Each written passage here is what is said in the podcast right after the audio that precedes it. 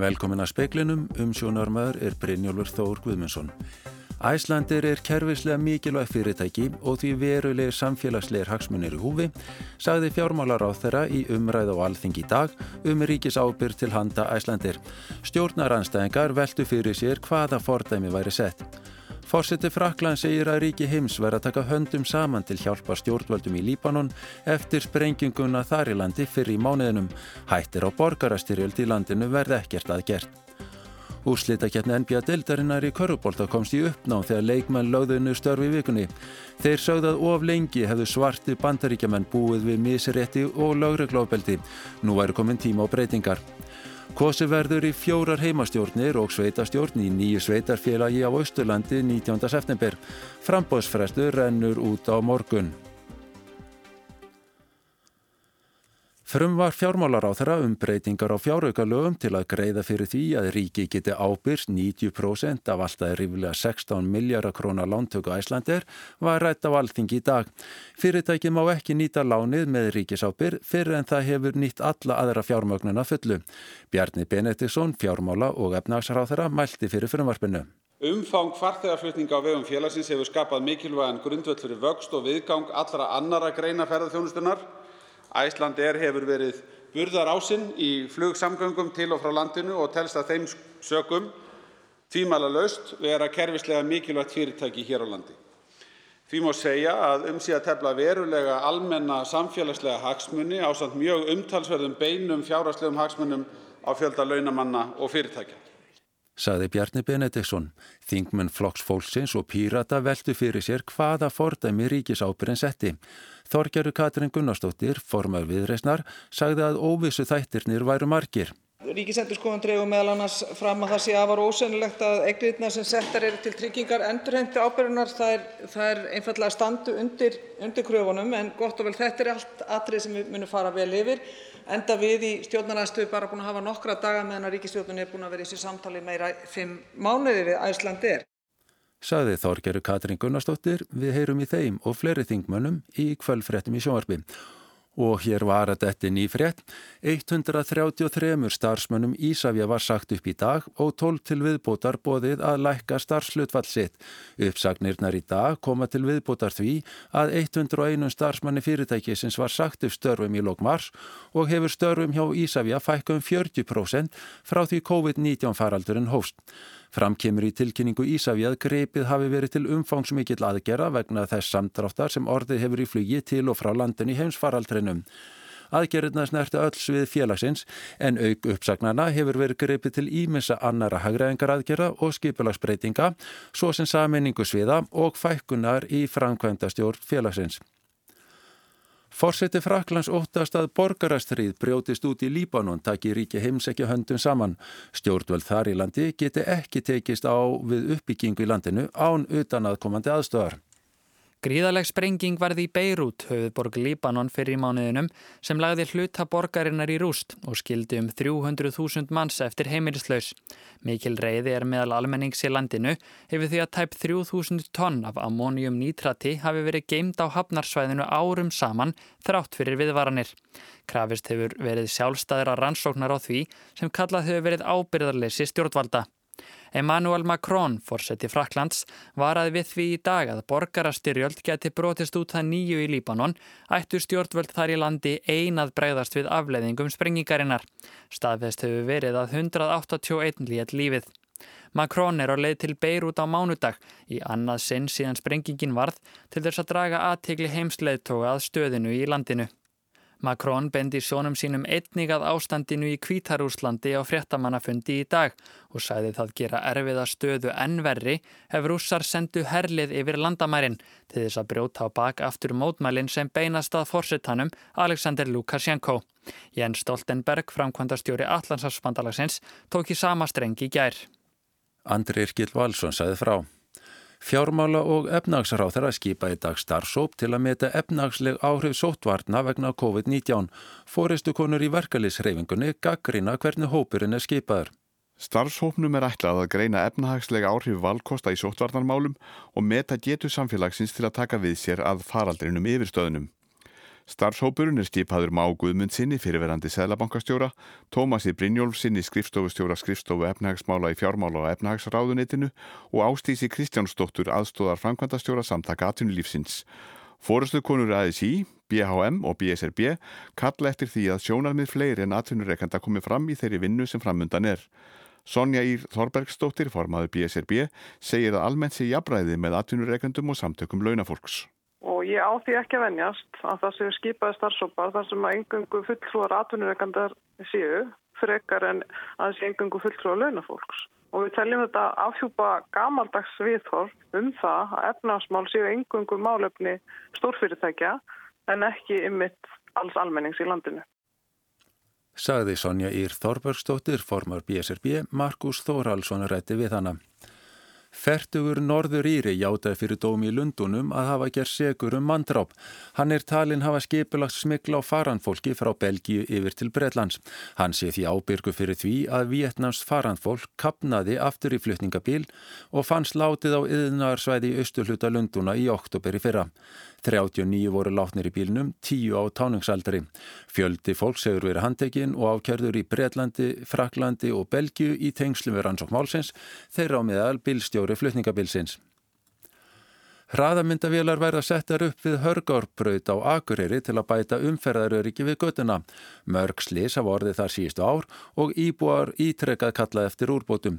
Hópur fólk sapnaði saman við hörgárbraut í dag og auður Inga Ólastóttir, talsmar hópsins, segir að krafan sé að gerð verði undirgöng fyrir gangandi vekkfarendur.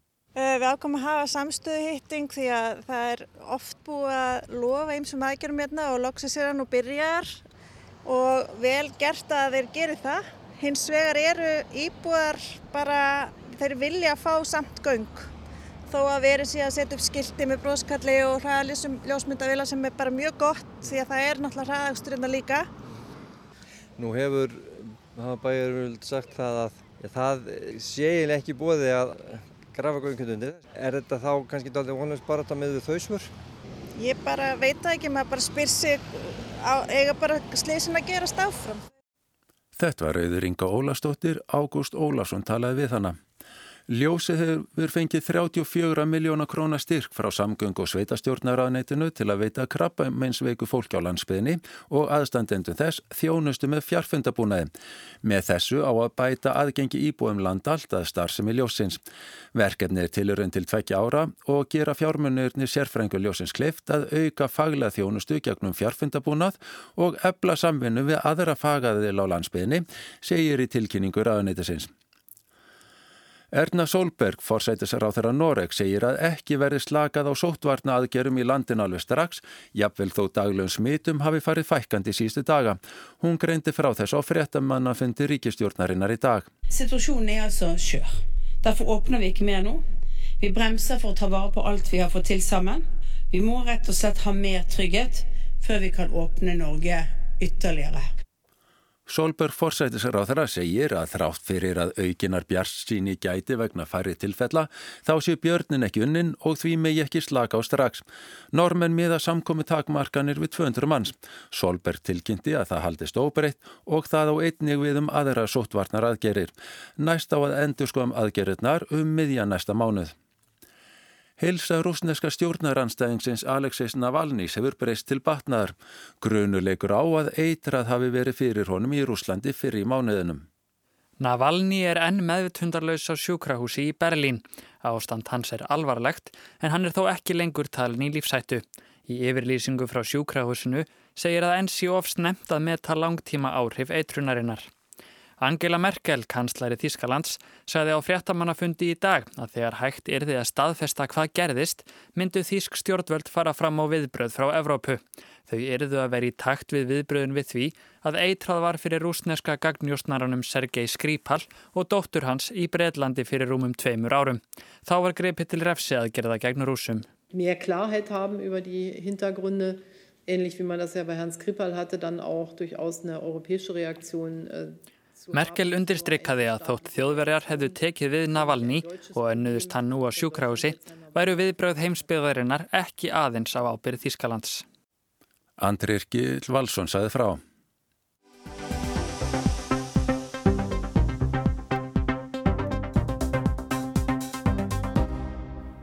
Úrslitakeppni NBA-deildarinnar í Körfubólta komst í uppnám þegar leikmenn lögðinu störfi í vikunni. Þeir sögðu að of lengi hefðu þeldökkir bandaríkjumenn búið við misrétti og lögreglófbeldi. Nú væru komin tíma á breytingar. And they're, they're spewing this fear, right? Like, all you hear Donald Trump and all of them talking about fear. We're the ones getting killed. We're the ones getting shot. Uh, we're the ones that were denied to live in certain communities. Um, we've been shot. Doc Rivers var mikið niðri fyrir þegar hann rætti við fjölmiðla eftir leik á þriðdaskvöld. Lágreglumenn höfðu skotið 29 ára þeldökkan mann í baki fyrir framann börn hans. Á sama tíma rættu fulltrór á flokkstingi republikana um nöðsinn sterkra lögjæslu. Doc Rivers sem er þjálfari Eli Klippers og sonur lauruglumanns förðaði sig á tali kvítra republikanum óta því að það væri svart fólk sem væri verið að drepa, skjóta og mismunna. It's amazing to me why we keep loving this country and this country does not love us back. Það er fyrðulegt að við elskum þetta land áfram en það elskar okkur ekki á móti. Doc Rivers var korki fyrstinn ég síðasti leikmarin eða þjálfarin í NBA til að tala um lögreglofbeldi og misrétti gagvar þeldökku fólki. Þegar deildin og leikmannasamtök sömdum að halda keppna áfram í skugga COVID-19 var þetta eitt af helstu umræðefnunum. Af hverju eigum við að loka okkur af í einangraðri sápukúlu meðan koronaveira og lögreglu ofbeldi geys í landinu spurði leikmenn. Þess vegna er orðin Black Lives Matters ábyrrand á leikvöngum og leikmenn geta valur nokkrum orðum og slagordum til að setja á búninga sína, svo sem jafnbretti, réttlæti og antirasisti. En líka setningarnar ég get ekki andað og nefndan á nafn til að vekja aðtikla á örlögum þeldöksfólk sem lögreglumenn hafa drepið. Sennilega voru þó fæstir búnir undir það sem gerðist á miðvöggudag. We have major breaking news in the NBA where the Milwaukee Bucks have reportedly decided to boycott Game 5 against the Orlando Magic in protest of the police shooting of Jacob Blake. Leikmenn Milwaukee Bucks sem er í sama ríki og Jacob Blake sem lögregla skaut sjösunum í bakið neituð að mæta til leiks. Þeir tilkynntu að þeir myndu sniðganga leikin til að krefjast réttlætis fyrir Blake. Miklar kröfur væru gerað til þeirra í hversin þeir stíu inn á völlin. We hold ourselves to that standard and in this moment are demanding the same from lawmakers and law enforcement. We are calling for justice for Jacob Blake and demand the officers be held accountable. Leikmennirnir kröfðust þessa stjórnvöld og lögregla auksluð ábyrð, meðal annars með því að ríkistingi kæmi saman eftir margra mánada aðgerðalessi. George Hill og Sterling Brown lásu upp yfirlýsingu leikmanna. Valið á Brown var tákgrænt. Hann lagði bíl sínum ólöglega fyrir framanverslun að kvöldlægi í janúar árið 2018. Atvik sem venjulega hefði lokið með sex en lögreglumar skrifað á staðnum leiti til þess að fljótlega var fjöldi lögreglumanna komin á vettvang. Fimm þeirra sneru brá niður og gaf honum raflost með stuðbissu. Yfirvöld buðu leikmanninum andverði 55 miljóna króni í bætur en Sterling Brown segist ekki geta látið kaupa þögg sína.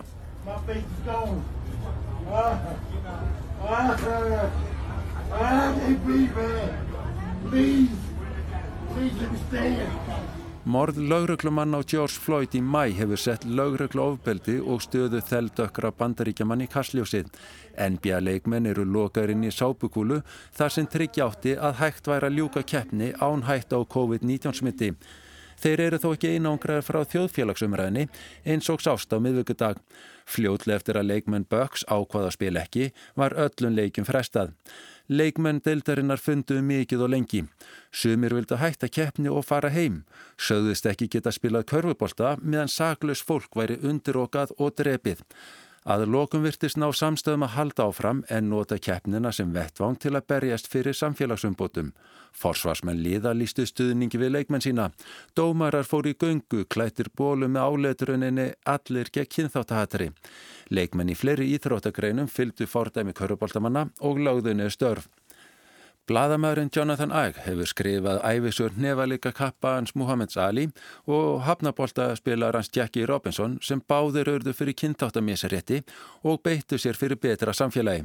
Ike sagði í viðþóskrein í The Washington Post í vikunni að ákvarðun böksum að spila ekki væri eftir vill djarfasta atlaga íþróttaheimsins að kynntáttamísarétti frá því á ólimpíuleikunum í Mexiko árið 1968. Hann vísaði þar til þess þegar Tommy Smith og John Carlos notuð verlunatöpp til að vekja aðtikla á hlutskipti svarsfólks í bandaríkjunum. The right glove that I wore on my right hand signified the power within black America. Tommy Smith sagði að svartir hanskarni sem hann og Carlos Báru væru til marksum svartafl og samstöðum. Þeir voru á sokkalistunum í svörtum sokkum og það væri til marksum fátækt. Á sama árabili barðis Muhammad Ali gegn kynþáttamisrætti. Hann er yfir eitt sinn upp að afa hans hefði verið lofað að hlutirnir eru betri þegar sonur hans er eldri. Pappa hans hefði verið lofað því sama og nú honum en ekkert breyttist. White man 50 years ago told my granddaddy that when my daddy got free things would be better. When he got grown. Now my daddy's grown. Somebody told my daddy that when I got grown, things would be better. Now I'm grown. Now I have the white boy today telling me that when my children get grown, things will be better.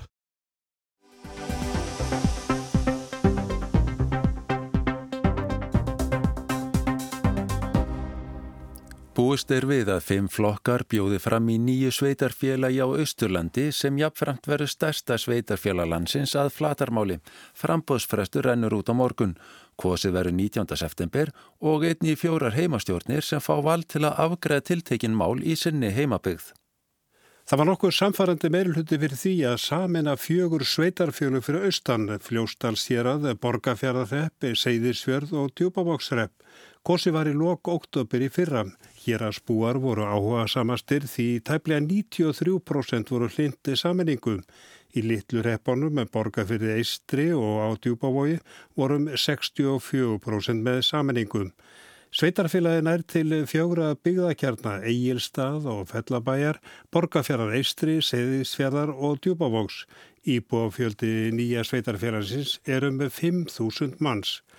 Björn Ingimarsson, formaður undirbúningsstjórnar Nýs Sveitarfélags og bæjastjóri á fljóðstalsjeraði, segir að áhugi hafi verið meðal íbúa í þessum sveitarfélögum á að saminast til eh, að ebla þau meðal annars í málun sem eru kníjandi, svo sem samgöngumálum og atvinnumálum að byggja upp öflugra sveitarfélag. Við höfum verið að svona hvertum sig að berjast fyrir ákveðnum málum eins og bara samgöngubótum hér innan svæðis eða á milli, milli þessara sveitafélag. Nú er þetta innan eins sveitafélags og, og við leggjumst öll á eitt.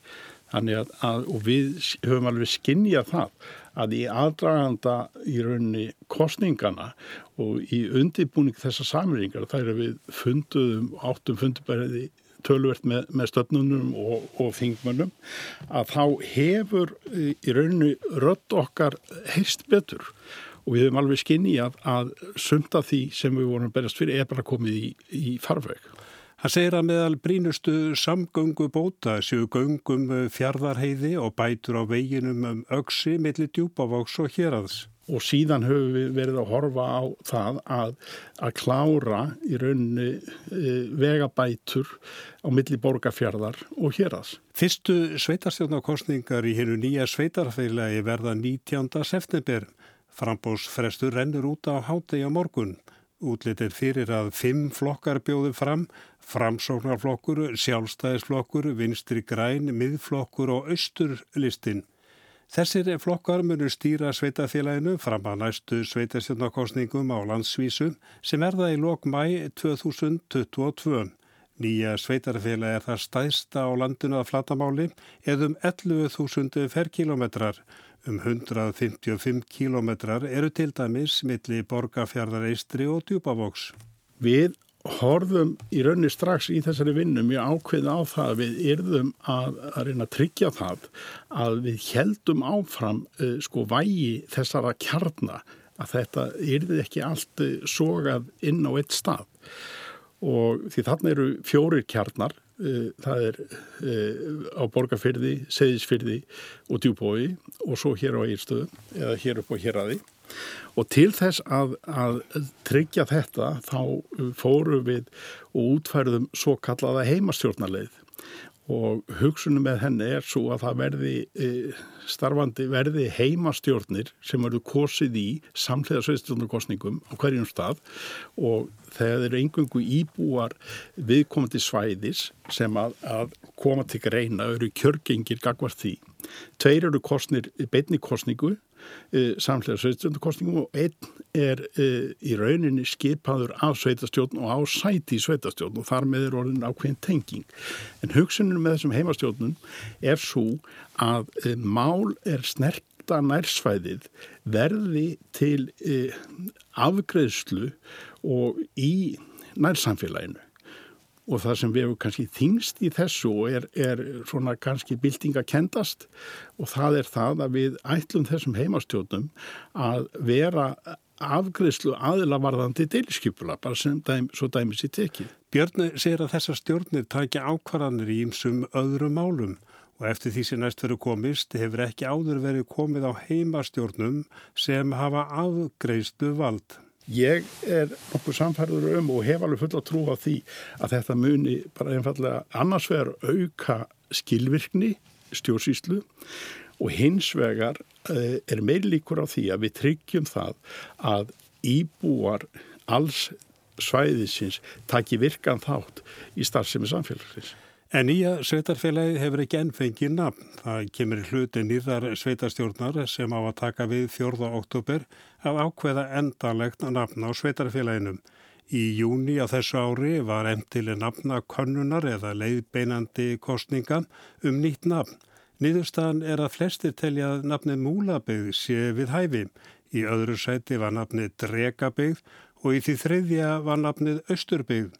Það er því líklegt að nafni Múlabyggð verði fyrir valnum hjá nýri sveitarstjórn. Það er sveitarstjórnar þegar hún kemur saman að er sveitarstjórnar uh, uh, saman eða sveitarfélags að taka ákvörðun um slíkt og uh, eins og þú réttilega bendir á þá er þetta leiðbeinandi semst niðurstöður úr þessar nafnakostningu en það sem er kannski ánægilegt við það það er, var góð þáttaka í kostningunni og niðurstaðan nokkuð afgerandi.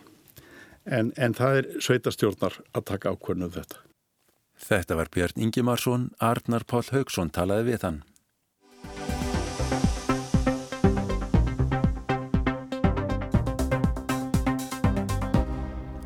Fimm svíjar voru í dag dæmtir í áratuga fangilsi fyrir morði í útkverfi kaupmanafnar. Málið er hluti af áralöngu stríði glæpagengi í Stokkólmi sem kostað hefur fjölmörg mannslíf. Leðtöi stjórnaranstöðunar í Svíþjóð jafnar ofbeldi glæpagengjana við faraldur, sambærilan COVID. Menninir fimm sem voru sakveldir í Danmörku í dag eru ekki gamlir. Þrýr þeirra eru rétt skriðinir yfir tvítugt og voru í dag dæmtir í ævilangt fangilsi.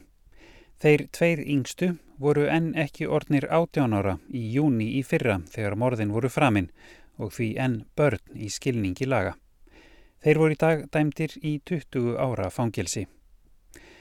Morðin eru hluti af áralöngu stríði tvekja gengja frá Ringebi, fátæku útkverfi Stokkólms.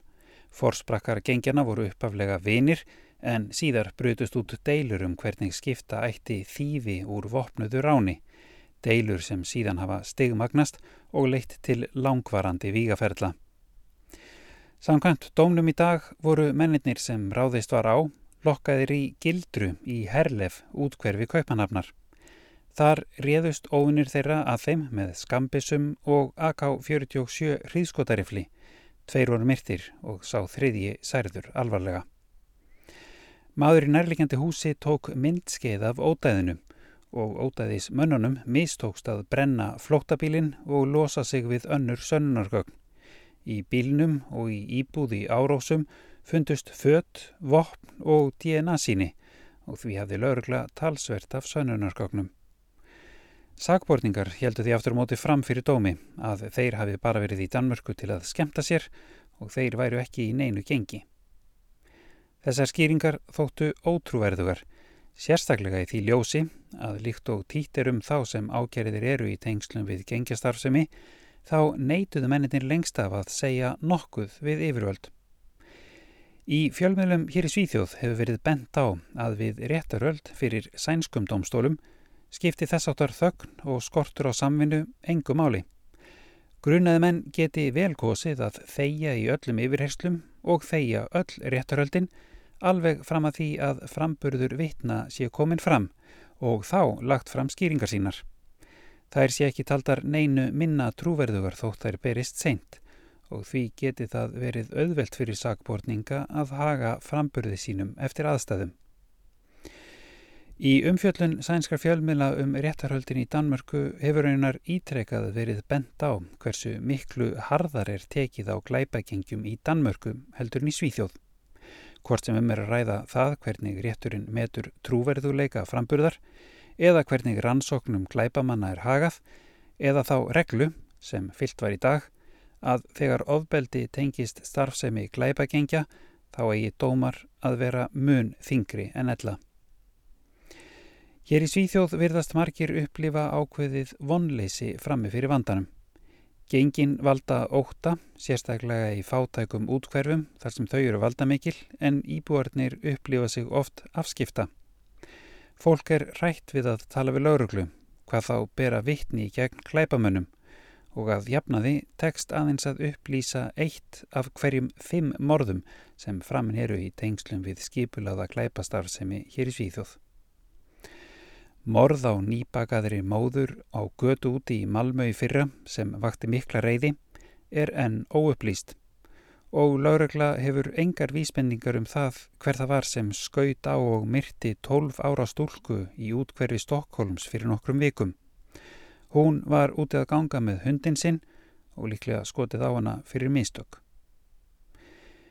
Og gengin virðast sífelt verða áraðnari Hér í Gautaborg var nýlega líst yfir sérstöku viðbúnaðarstígi og borgaryfirvöld vöruð við því að hörð átök væri uppsiglingu millir tvekja glæpagengja hér í borginni. Annað þessar gengja, sem er í angeret, fátæku útkverfi, setti nýlega upp vegartálma. Vopnaðir menn í skoteldum vestum stöðvuðu bíla sem áttu leiðin í hverfið og lístu inn í þá með vasaljósum. Í byrjun vikunar var starfsmanni við skóla í hverfinu svo rænt og viðkomandi misþyrmt líkamlega. Starfsmæðurinn hafi tekið eftir tveimur mönnum inn í skólanum þar sem hann starfar og virtist annar þeirra vera með skambissu í buksnastrengnum. Starfsmæðurinn gerði lauruglu viðvart en í loku vinnudags var setið fyrir honum, hann dreyin inn í bíl og lamin. Það eru ýmsar vísmendingur um að glæpagengi, lög og regla verði í brennibóndi í stjórnmálumræðinu hér í Svíþjóða næstu miserinn. Úlf Kristersson, formaður hægri flokksins móti ratana, stæsta stjórnarnanstöðu flokksins, líkti ofbeldi glæpagengja nýlega við faraldur á pari við COVID-faraldurinn. Stjórn jafnaðarmanna og græningja hefur þegar lagt fram 34 tillögur í málafloknum. Tillögurnar snúa því að styrkja lauruglu, auka heimildir til að hlera samskipti og tölfur og gera lauruglu auðveldara að ráðast í húsleitir. Þá er einnig lagt til að hægt verði að kalla til nafnlaus vittni við réttarhöld. Gagrínendur segja þetta drægi úr réttaröryggi og aðrir bend á að í skjóli nafnleisis geti fólk úr undirheimanum beitt lúabröðum til að koma keppinautum sínum bak við lás og slá. Þetta er Kári Kilvason sem talar frá Gautaborg. Í speklinum í dag var það helst að 133 starfsmönnum Ísafja var sagt upp í dag og tól til viðbútar bóðið að lækka starfslutfall sitt. Störfum hjá Ísafja hefur fækkað um 40% frá því COVID-19 faraldurinn hófst. Æslandir er kervislega mikilvæg fyrirtæki og verulega samfélagsleir hagsmunir í bú, húfi, saði fjármálar á þeirri umræðu og alþingi í dag um ríkisábyr fyrir Æslandir. Stjórnaræðinstængar veltu fyrir sér hvaða fordæmi væri sett. Fórseti Frakland segir að ríki heims verða að taka höndum saman til hjálpar stjórnvöldum í Líbanon eftir sprengingu fyrir mánuðinum. Hættir á borgarastyrjöld í landinu verða ekkert að gert. Kosi verður í fjórar heimastjórnir og sveitarstjórn í nýju sveitarfélagi á Östurlandi 19. september. Úrslitakefni NBA-deildarinnar í Körubólta komst í uppnám þegar leikmenn lögðunni störfi vikunni. Þeir sögða of lengi hafðu svartir bandaríkjumenn búið við miserétti og lögreklóbeldi. Veður snýst í söðlaga átt á morgun. Það verður skíjaða mestu og úrkomilítið en dálítil er ryggning söðu vestan til á landinu annarkvöld. Áframverður myllt veður. Það er ekki fleira í speiklinum. Tæknumar í útsendingu var Ragnar Gunnarsson.